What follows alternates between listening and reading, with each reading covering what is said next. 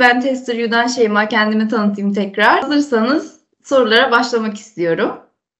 Tabii ki de. Bu sektörde şu anda hangi şirkette çalışıyorsunuz? Bilgi vermek isterseniz e, verebilirsiniz. Bu sektörde ilginizi çeken ne oldu? Kendinizi biraz tanıtabilir misiniz? Tabii ki. Şu anda Jatform'da çalışıyorum. Ankara Hacettepe Teknokent'te bir ofisimiz var. Ee, San Francisco merkezli bir şirket. Yaklaşık 6 ay önce geçtim buraya. Director of Product Quality olarak burada e, yeni bir ekip, kalite ekibi ve test ekibi kurmak için geldim aslında. Ondan önce, bundan önce Getir'deydim. Ee, Getir'de yaklaşık bir buçuk yıla yakın çalıştım. İşte QA Manager ve daha sonra Engineering Manager olarak. Ondan önce Supply Chain Wizard, öncesi Aselsan ve Mikes biraz daha savunma sanayiydi aslında. Yaklaşık 12 yıldır bu sektördeyim. Benim çok tesadüf aslında bu sektöre geçişim. Ee, şöyle bir durum oldu. Ben üniversite İzmir'de okudum evet, Ege Üniversitesi'nde. Ailem Ankara'daydı. Hı hı. Ben orada aslında devam edebileceğim bir iş bulmuştum son sınıfta. Yazılım tarafındaydı. Hı hı. Ee, ailemin yanına geldim. Orada çok tesadüfi bir şekilde böyle bir ilan için bir tanıdığım aradı. Düşünür müsün diye yazılım testi. Olur dedim. Neden olmasın bir deneyeyim. Hem mülakata girmiş olurum ben de mesleğiyle ve şirkette görüşmeye girdim yazılım test uzmanı olarak aslında kariyerime başladım. Ve sonra da bırakamadım aslında. Hı hı. Bu alanda devam ediyorum. Test ve kalite alanında.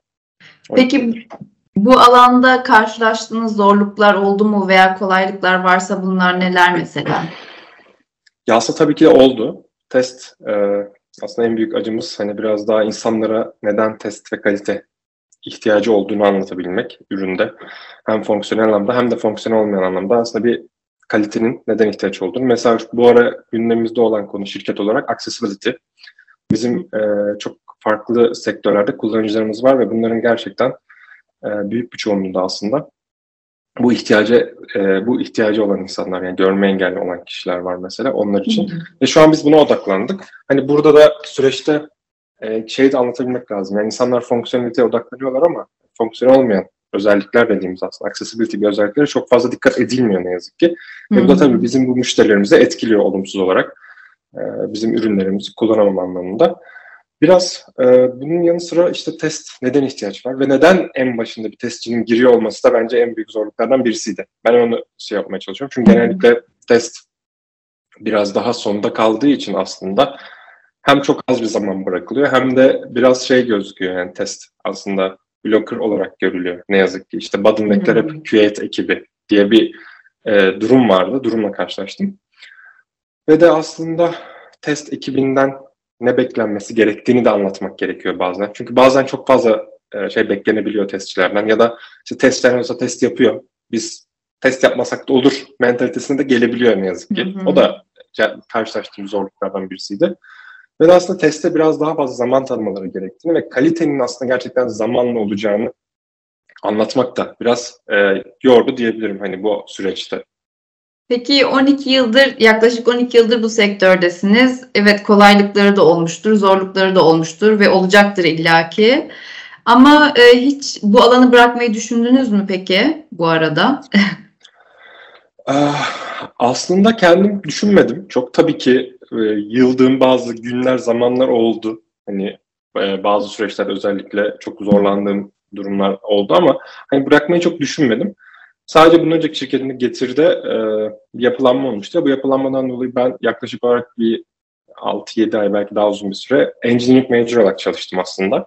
Şimdi biliyorsunuz Engineering Manager de biraz popüler bir rol. Fakat e, evet. kalite test beni geri çekti yani. E, bu Jotform'la da görüştükten sonra aslında biraz daha ben bu alana ait olduğumu hissettim.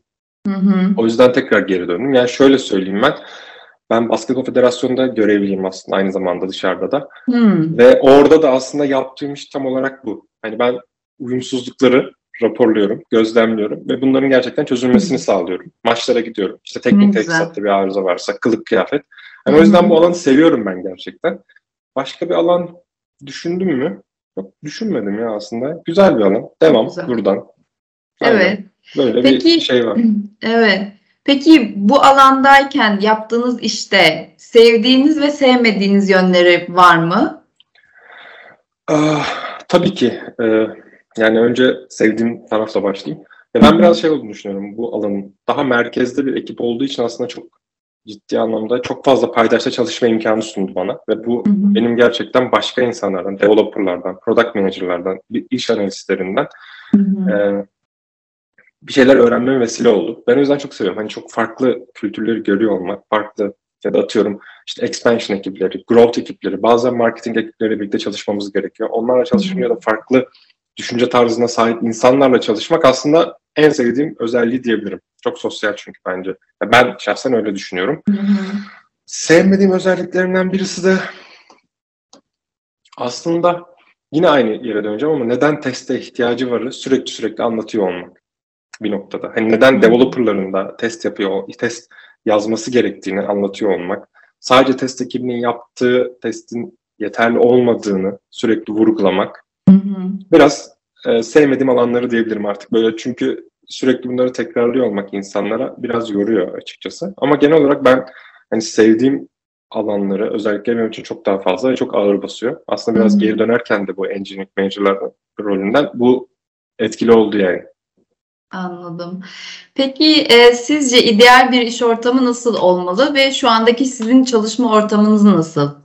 Ya bence ideal çalışma ortamı kişiden kişiye göre değişebilir ama bir testçi ve kaliteci gözünden bakacak olursam ben şöyle düşünüyorum aslında. Kesinlikle kaliteye değer veren ve sadece aslında kaliteyi konuşarak değil de aslında biraz daha oraya zaman ayırarak e, yatırım yapan bir şirket olması gerektiğini düşünüyorum ben. E, bu biraz kritik ve aslında böyle yapılan işin takdir edilmesi. İletişime açık olması lazım bence insanların. Kalite ve test alanında. Çünkü bizim Tabii. en büyük sorunlarımızdan birisi de aslında iletişimsizlik özellikle. Hmm. Bir, genellikle hatalarda benim gözlemlediğim 12 yıldır iletişimsizliğin ben kaynaklı aslında çok fazla hata e, raporlandığını gördüm ben. O yüzden iletişime açık olması lazım kesinlikle. Doğru. Ve işte test ve test ekibinden beklentiyi bilmek çok önemli bir noktada. Ve testte de aslında biraz gerekli ilgiyi gösteriyor olmak. Bizim şu an yapımız aslında dediğim gibi ben 6 ay önce başladım ve burada bir ekip kurmaya çalışıyorum. Şu an benimle beraber toplamda 11 kişilik bir ekip var ve de büyüyor aslında sayımızda. Test ve test ekibinden işte otomasyon ekibi de kurduk yakın zamanda. Test ve test ekibinden aslında beklenti çok fazla ve gerçekten anlayışlılar ve çünkü ya bu şirket yaklaşık 15 yıldır piyasada aslında. 20 milyondan fazla kullanıcısı olan ve aktif 1 milyondan fazla kullanıcısı olan bir şirket ve gerçekten hani bu bir başarı öyküsü buraya kadar hani çok fazla test ekibi olmadan dışarıdan bir test hizmeti alınıyor ama test ekibi olmadan gelmiş. Tabii şu an çok fazla istek var. Talep de var aslında. Bunları da karşılamaya çalışıyoruz bir yandan. Ee, ben açıkçası buraya geldiğim için çok mutluyum. Ee, hani onu söyleyebilirim çünkü gerçekten insanlar çok pozitif bakıyorlar bu alana. Hani daha çok durdurma, blocker özelliğinden çok daha faydalı olacağını düşünüyorlar kendi süreçlerine ve bunu da sürekli beyan ediyorlar. Ben bundan da çok memnunum açıkçası. Buradan da şirketimdeki arkadaşlara tekrardan teşekkür edeyim bu davranışlarından ve tutumlarından dolayı.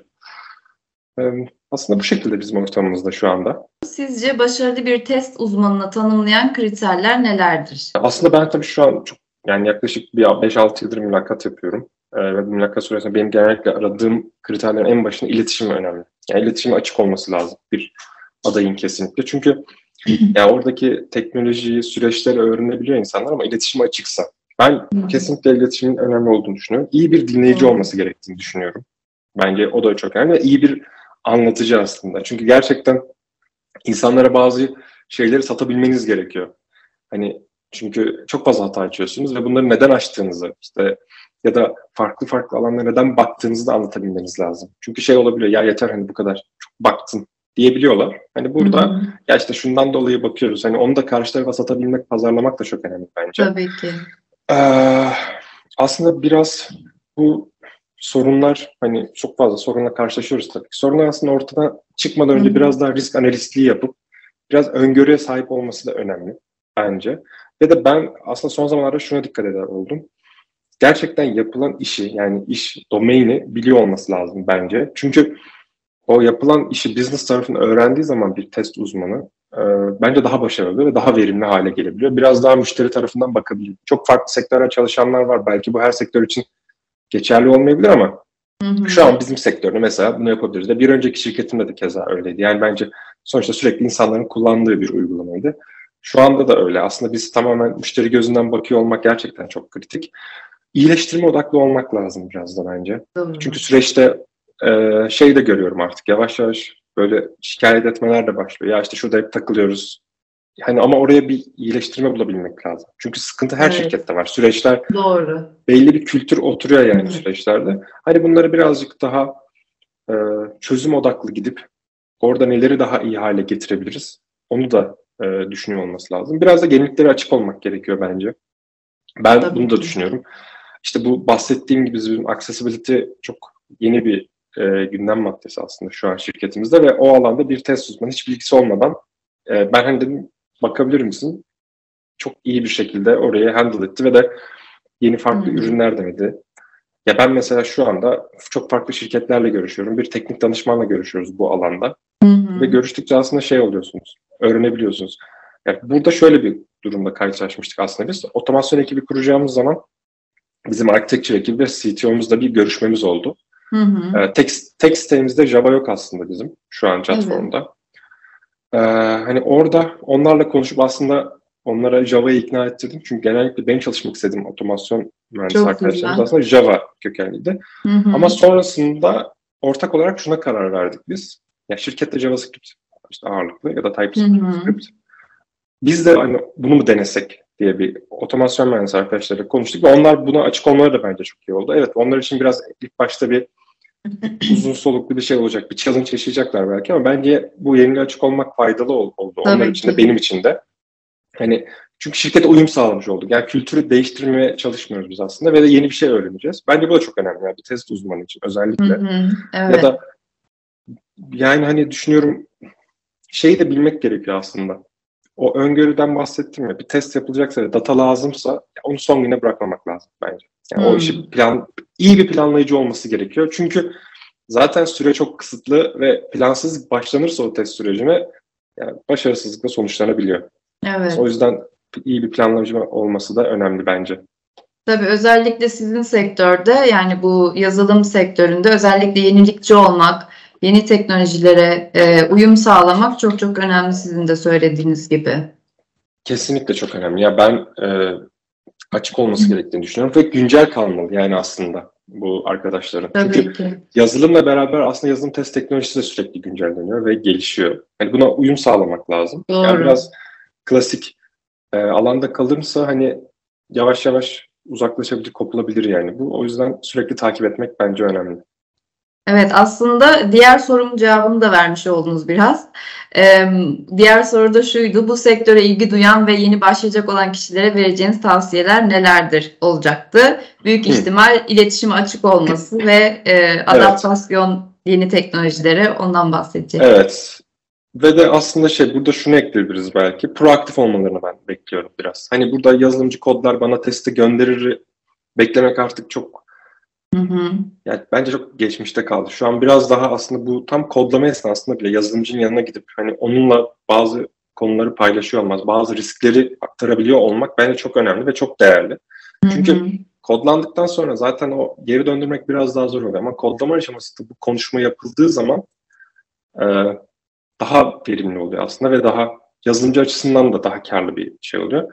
Ya da atıyorum otomasyoncuysa şu an mesela şöyle bir durumda var. Eğer bir arkadaş otomasyon tarafındaysa web tarafındaki otomasyona ilgi duyuyor ve oradan ilerliyor ama benim hani beklentim biraz daha yelpazesini geniş tutup API tarafında da mobil test otomasyonunda da bilgi sahibi olması. En azından bir developerla belki otomasyoncuların unit test anlamında yönlendirebilecek şekilde unit testi neden yapılması gerektiğini biliyor olması da önemli. Manuel tarafta da sadece fonksiyonel işte arayüzden yapılan testtense biraz daha işte atıyorum API testi olabilir. İşte bu bahsettiğim gibi fonksiyon olmayan testler var artık. Accessibility. İşte performans testi olabilir. Ya yani bir ürünle yapılan, bir tool kullanarak. Hani bu yelpazeyi biraz geniş tutmak artık bence çok değerli.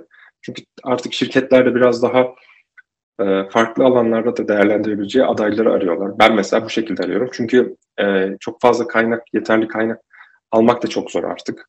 E, zaten Hı. bulmak da zor bir yandan da. Öyle Tabii. bir durum da var şu an günümüzde. O yüzden yelpazelerini geniş tutarak daha farklı alanlarda hani en azından teorik bilgiye sahip olmaları bence faydalı olur. Evet çok doğru ben de katılıyorum. Ee, peki yazılım testinin geleceğini nasıl görüyorsunuz? Sizce sektör nereye evrilecek?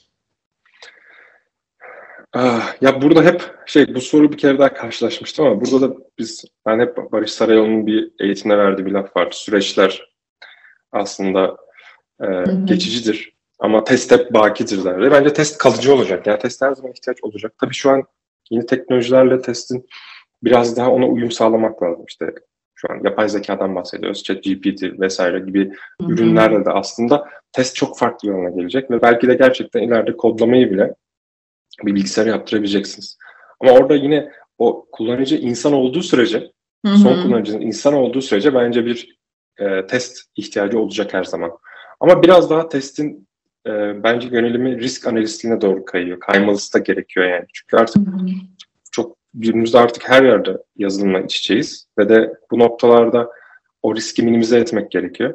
Benim de burada düşüncem aslında o risk analistliği tarafına kayıyor olup o riskleri önceden öngörüp biraz daha e, hani yazılım test uzmanı değil ama risk analistliği gibi bir role doğru kayıyoruz diye düşünüyorum ben açıkçası. Ama test bence hep kalacak ve yani bu çünkü ama bu dediğim gibi son kullanıcınız eğer bir insan olacaksa evet. o öncesindeki testte de bir e, testçiye ihtiyaç var diye düşünüyorum ben. Hı hı. Tamam. Peki çalıştığınız sektörde bir şey değiştirme imkanınız olsaydı bu ilk ne olurdu? Sektörde var mı öyle bir şey değiştirmek istediğiniz ya da öyle sorayım. ya var tabii aslında şey yani birkaç tane konu var. Mesela bir tanesi şey hani herkes şeyi çok güzel konuşuyor işte test, kalite. Hani konuşmadan çok icraat tarafını daha çok arttırmak isterdim ben. Hani daha az konuşulsun Bence okey ama hı hı. o tarafta daha fazla zaman harcansın ve orada bir iş yapılsın. Bir de belki şey olabilirdi yani developerların belli bir dönem böyle bir test bootcamp'inden geçiyor olmasını isterdim hı hı. aslında. Gerçekten bence o çok değerli olurdu. Hem developerlar için hem de testçiler için hem de aslında şirket içinde. Çünkü hı hı. o mentalite developerlar sürekli bir üretim halinde olduğu için sürekli üretkenlik peşinde olduğu için aslında tabii bazı şeyleri atlayabiliyor. Çok normal yani bu. Hani bunu normal karşılarım ama hani biraz bu test bootcamp'inden geçiyor olmak, yani o testçi bakış açısını kazanmasalar bile en azından bizim yaşadığımız e, durumları, sıkıntıları gözlemleseler aslında ben çok faydalı olacağını düşünüyorum. Belki böyle bir şey planlanabilir bilmiyorum ya. Hani belki biraz e, ama biz şu an şirketimizde bir bootcamp uygulaması var ve orada gerçekten böyle bir aslında planlamamız da var. Yani gerçekten ilk Hı-hı. yeni katılan bir yazılımcı için özellikle Hı-hı. test e, ile alakalı bir böyle çok kısa da olsa bir eğitim, e, bir bootcamp gibi bir e, düşüncemiz var. Daha planlayamadık, daha alamadık canlıya ama hani böyle bir şey planlıyoruz. Biz o zaman tüm e, developerları buraya bizim Tester U bootcamp'ine bekliyoruz. bence süper bence süper olur ya. Ben kesinlikle çok faydalı olacağını düşünüyorum. Yani tabii ki de şey beklemiyorum onlardan yani böyle her şeyi test etsinler ama en azından o e, bizim yaşadığımız ya bizim bakış açımızda biraz ürünlere o kodlarken bakabilmeleri çok isterdim ben açıkçası. Evet. tamam. Ee, aslında şey bitti, görüşmemiz bitti şu anda. Yani soruları sordum ama bir de bizim hızlı e, soru ve cevabımız var. Onu çok kısa kısa böyle e, sizden alacağım. Biraz daha böyle eğlenceli Tabii. gibi. E, sizce takım çalışması mı, tek çalışmak mı? Takım çalışması. Tamam. Evden mi, ofisten mi? Bu zor bir soru oldu. Hızlı. Ben 5 e, yıl evden çalıştım. 6 aydır ofisten çalışıyorum. Şu an için ofisten çalışmak diyebilirim kesinlikle. Tamam. Gelecekte yapay zeka manuel testin işini elinden alacak mı? Belki bir kısmını. Ama dediğim gibi biraz e, o tarafa manuel testlerinde kayıyor olması lazım. Yapay zekayı aslında kullanmak lazım testlerde. Hı hı. Ee, daha fazla maaş mı, daha fazla özgürlük mü? Daha fazla özgürlük diyebilirim ya buna. Bir zaman makineniz olsa e, geçmişe mi yoksa geleceğe mi gitmek isterdiniz? Hmm, güzel. Geleceğe. geleceğe. Test kalitesini testçiyle yazılımcının arkadaş olması etkiler mi? Etkileyebilir. İletişim fazlaysa ben etkileyeceğini düşünüyorum olumlu yönde. Tamam. Peki e, Batman mi Superman mi? Burada bu soruda düşününce aslında bence Batman ya. Batman tamam. Ee, iOS mu Android mi? iOS. Tamam. Mobil mi, desktop mı? Mobil. Kablolu kulak mı, kablosuz kulaklık mı? Kablosuz. Kablosuz. Çay mı, kahve mi? Ah. Duruma ve yerine göre. O zaman gösterir bu. Evet. tamam her ikisini de kabul ediyoruz yerine göre. Evet ya çok kolay bir soru değil çünkü. evet teşekkür ederiz katıldığınız Ben için. teşekkür ederim.